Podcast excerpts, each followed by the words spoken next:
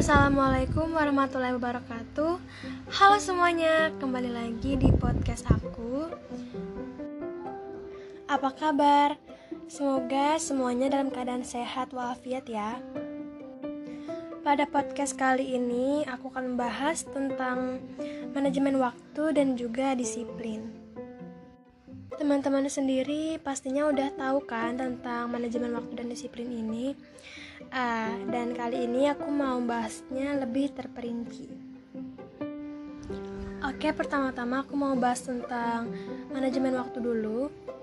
Jadi manajemen waktu adalah suatu daya upaya untuk mengorganisasikan, mengontrol, merencanakan, serta mengatur waktu yang akan dipakai untuk dapat melakukan kegiatan tertentu secara efektif untuk mencapai suatu tujuan. Jadi singkatnya jika teman-teman memiliki keterampilan manajemen waktu yang baik, um, maka teman-teman akan lebih bisa menghargai waktu. teman teman-teman dapat melakukan pekerjaan secara efektif dan efisien. Nah, yang juga tentunya pastinya akan tentunya pastinya ya pastinya akan mencapai target yang sudah teman-teman tentukan.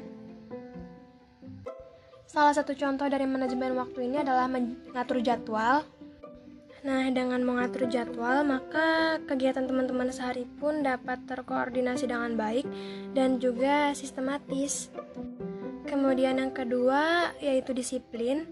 Disiplin ini adalah temannya dari manajemen waktu um, seperti yang sudah aku bilang manajemen waktu itu seperti mengatur jadwal. Nah, jadi dalam mengatur jadwal ini kita harus disiplin atas jadwal yang kita sudah buat tersebut.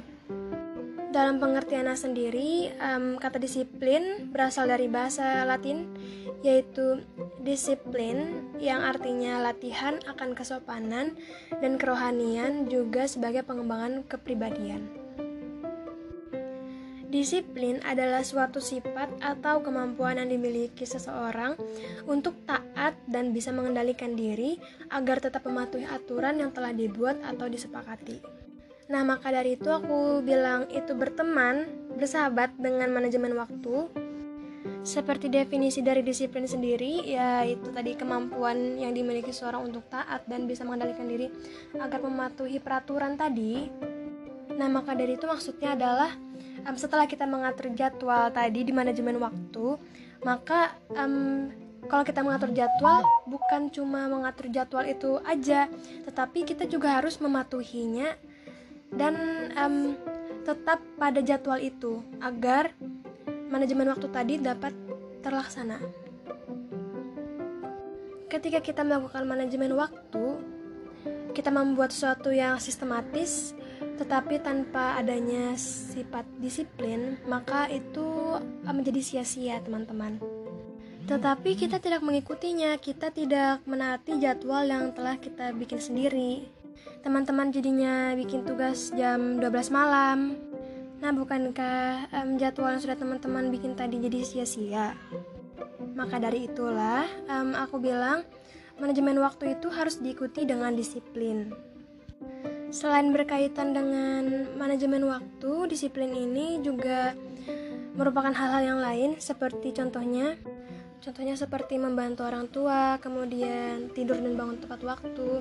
Nah, selain harus mengikuti peraturan yang ada di rumah, kita juga harus mematuhi peraturan ada di masyarakat, disiplin akan peraturan di masyarakat seperti um, peraturan di jalan raya, yaitu mengikuti rambu lalu lintas, kemudian menggunakan helm, dan lain-lain kemudian juga disiplin di sekolah. Um, seperti contohnya ketika ingin keluar atau masuk kelas maka izin dulu kepada bapak dan ibu guru. Kemudian juga ikut upacara berpenampilan rapi dan lain-lain dan juga banyak lainnya. Um, jadi tujuan dari disiplin ini yaitu menurut Emile Durkheim Emile Durkheim eh, mohon maaf atas kesalahan membaca namanya. Jadi menurut beliau disiplin itu bertujuan untuk mengembangkan suatu keteraturan dalam tindakan manusia. Kemudian yang kedua untuk memberikan sasaran tertentu sekaligus membatasi cakrawala. Sampai di sini saja podcast kali ini. Podcast kali ini lebih panjang daripada biasanya. Terima kasih kepada teman-teman yang sudah mau mendengarkan. Assalamualaikum warahmatullahi wabarakatuh.